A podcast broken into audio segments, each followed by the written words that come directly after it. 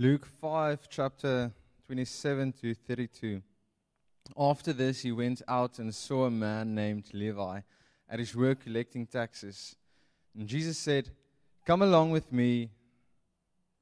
And he did, walked away from everything and went with him. Levi gave a large dinner at his home for Jesus. Everybody was there, taxmen and other disruptible characters, as guests at the dinner. The Pharisees and the religion scholars came to his disciples greatly offended. What is he doing eating and drinking with crooks and sinners? Jesus heard about it and spoke up. Who needs a doctor, the healthy or the sick? I'm here inviting not the insiders. An invitation to the change to a changed life, changed inside and out. God, we thank you for this evening. Thank you for this gathering tonight. And I thank you that you are here with us, that you have grace on us, that you love us for who we are. God, I thank you that you created us with purpose. I thank you that we can call you Father. And God, as we sit here tonight, I I ask that you will talk to us in, in your still, small voice like only you can. I pray this in Jesus' name. Amen. Is everybody excited to be here tonight? As I am. Um, I hope you enjoyed the, the music and the coffee because it is now time to sit. And, and my, my, my plea to you is to actually just to be here for the for next 20 minutes I'm not a long preacher. I preach for 20 minutes.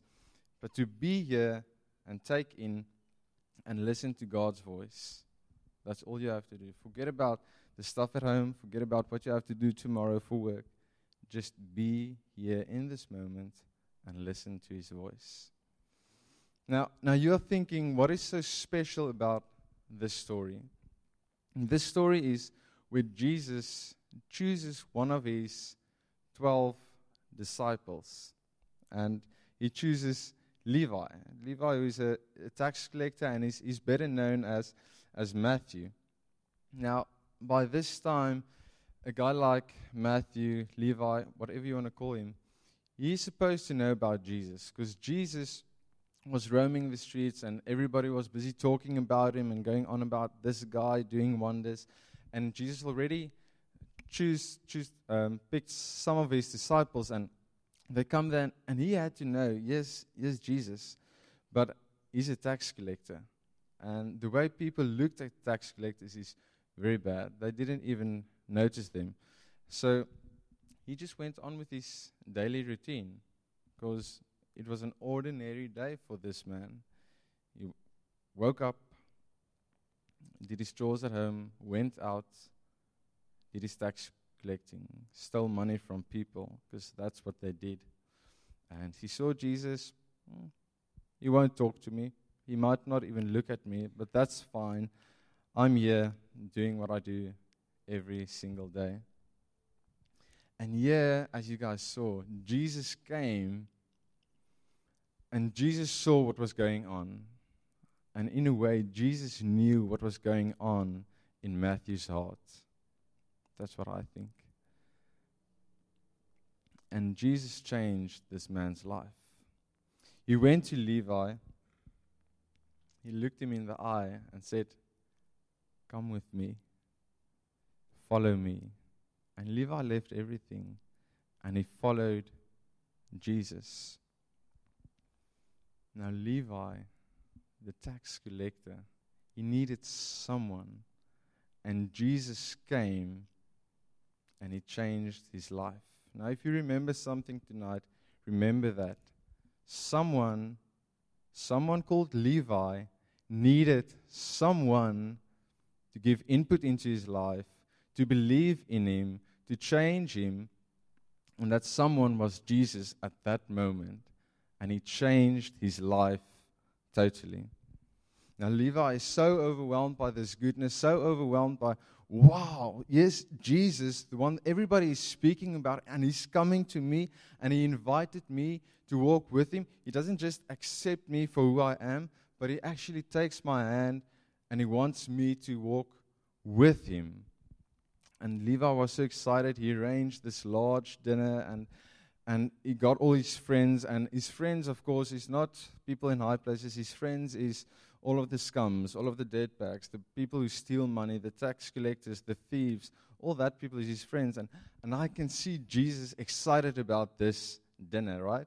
Like, here's Jesus sitting with it around a table with all of these people. And Jesus is excited because he has an opportunity to share God's love with this people who feels hopeless, who feels rejected by society. And Jesus gets the opportunity to sit around a table with them. And the, the Pharisees, of course, they found it weird. Like, what is Jesus doing? He's taking a sinner's hand, he's eating with a, a bunch of sinners. That's weird. And I think everybody found it weird, like his disciples as well. They found it weird, but the Pharisees just spoke out. And Jesus just said, I'm not here for the healthy, I'm here for the sick.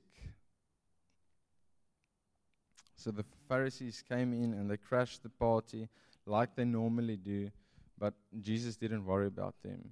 He shut them up very, very quickly. Now, you have to remember, in, in that time, because that's why the Pharisees is so strict. They're like, what is this man doing? You have to know the law and you have to obey the law and there's a lot of stuff you had to do to get into the kingdom of God. And Jesus was at this point, he was busy pre- pre- uh, he was busy talking about a new kingdom, right? So he's inviting these people into this new kingdom, and the Pharisees don't understand this kingdom of his because he's talking about inviting sinners into this kingdom. And Jesus has invited Peter, a disciple like Peter, who's a fisherman, and he never invited the wealthy people, the people in high places. It was always the low class people. But this, for me, is very special because this is not just someone on the bottom level. This is someone down there, someone who everybody looks down to. Even the disciples look down to these tax collectors. And Jesus goes to this person and he invites him to walk with him. Now, John 14, verse 6, Jesus says, I am the road, also the truth, also the life, and no one gets to the Father apart from me. Now, I don't know about you, but, but I've been in Levi's situation now, I won't say I, I stole money from people, but I've been in his situation. I felt rejection. I felt people has given up on me. I felt alone. And, and I'm thinking, like, why, why, do I, why, why am I going to go on? Because every day is the same. Every morning I say, okay, today is a new day. I'm going to try again. And then I just fail. So, why does God have to forgive me? Why does He have to accept me? Because I make mistakes day after day after day. And in this passage, when I read, Jesus chose Levi, that was wow. Jesus accepted Levi. And Levi didn't run up to Jesus begging him, Please, Jesus, forgive me because I have sinned. I am a.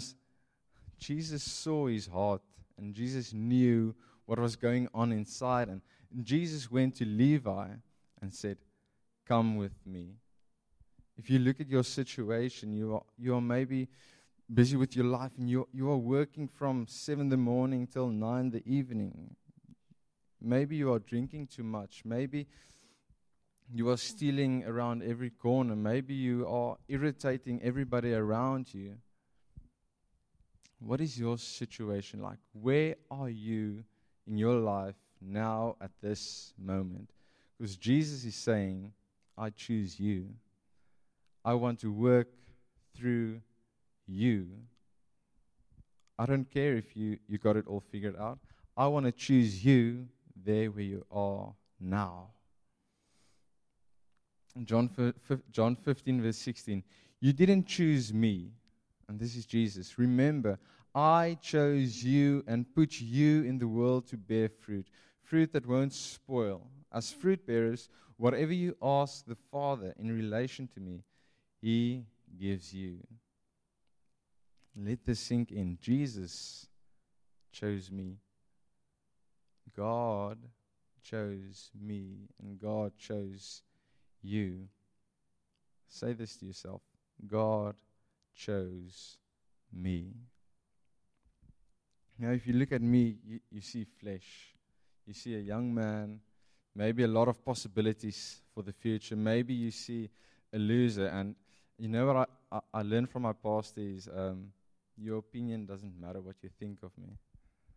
What you say doesn't matter. And the thing is, my opinion matters.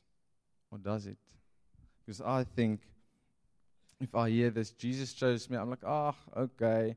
Um, can I really do what Jesus wants me to do? Is it possible that the Creator chose me to do His work here? And I'm thinking to myself, you know, I'm not, I'm not good enough. And then I read Levi's story, and all everybody sees in this man is you are a tax collector, you are a thief. And they labeled this man a thief, they labeled him a tax collector. And that's all everybody sees. And I'm also labeled. You are also labeled. You label yourself. And we read about in the Bible prostitutes, they were labeled. Pharisees, they were labeled. Everybody is labeled. And Jesus comes and he looks through that label and he shows Levi that he has value and that he is precious in the eyes of God. Jesus doesn't, doesn't just look at the tax collector, he sees the potential Levi has as soon as Levi realizes that God chose him, that God loves him, and that God accepts him. In calling Levi, Levi knew at that moment, I am forgiven. And that changed his life. Now, tomorrow, it might just be another ordinary day for all of us. You're going to go home, you're going to go to sleep, you're going to wake up tomorrow morning, get the kids ready for school, another day ahead of me. You're going to go to work, drop the kids at school, pick them up. Unless, unless you realize, Jesus chose me today. Jesus chose me to walk with him. And he's going to show me something beautiful. I just have to open my eyes and see what Jesus is showing me. I have to open my ears and listen to what Jesus is saying to me. And Jesus says we are, we are supposed to, to bear his fruit. So it's, it's not necessary to leave your job and stay at home and like read the Bible and, and you think, wow, I have to I have to gain some knowledge here and sit at home in your room, locked up, and just read, read, read, read, read, read. No, you can be at your work because you're supposed to bear his fruit at work. People has to see the difference in you. There where you go, where you drive in the road, in front of taxis and everything, people have has to see that Jesus is in you. In your house, in your family life, people has to see that Jesus lives in you, that you know that you are chosen I'm reading this book at the moment, and it's all about work and family life. And this guy, this guy talks about how how we work and family life is two of the things that we chase after. We try our best to do that. I try to be the best husband and I try to be the best at my job. And, and sometimes I drop the ball somewhere and I might be good at the one and I might fail at the other one. And I see myself as a failure because I couldn't do it. I couldn't do both. And now I'm a failure. I'm not good enough for this task. And I put that label on me. And we look at ourselves through the eyes of other people your boss, your wife, your friends, and we think, oh, we're not good enough. We look at ourselves through our eyes and we think, oh, you're never going to make it. When Jesus looks at us and he sees, all he sees is potential. He looks at you through your eyes and he sees potential. Potential that me, that I, and you have to discover. We have to not only look through our eyes, but we have to look through Jesus' eyes at ourselves. And we have to see that potential. When Jesus came down to earth, it was God reaching out to us. He sent a hand to us. And He's inviting me and you on a journey. He says, There where you are, come with me. Follow me. Go where I am going. And God invites you to walk with Him. No judgment. The only thing He does is He invites you to come with Him.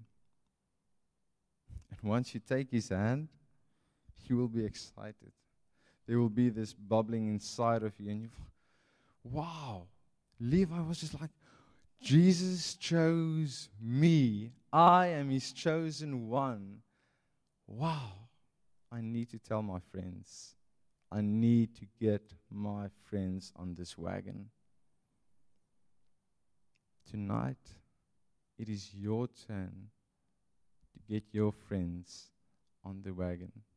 It is time for you to show your friends that you are chosen, that Jesus accepted you. It is time for you to invite them with you. Let's close our eyes. Jesus, I come to you in this moment. You have chosen us to be your hands and your feet in a world that desperately needed it and desperately needs it now. You have chosen us to not only look at ourselves, but to look at those around us. To invite them, not to judge them, just to invite them. To show them that they are accepted, to show them that they are loved. God, help us to be graceful like you were graceful to us. when we look at people, help us to look at people through your eyes. When we invite people, help us to do it with your hands, to be kind, to be friendly. God, help us every single day to be more like you. Yes, we fail and we struggle, but we know we are not alone. You are with us. We are walking this path next to you. And I thank you for that.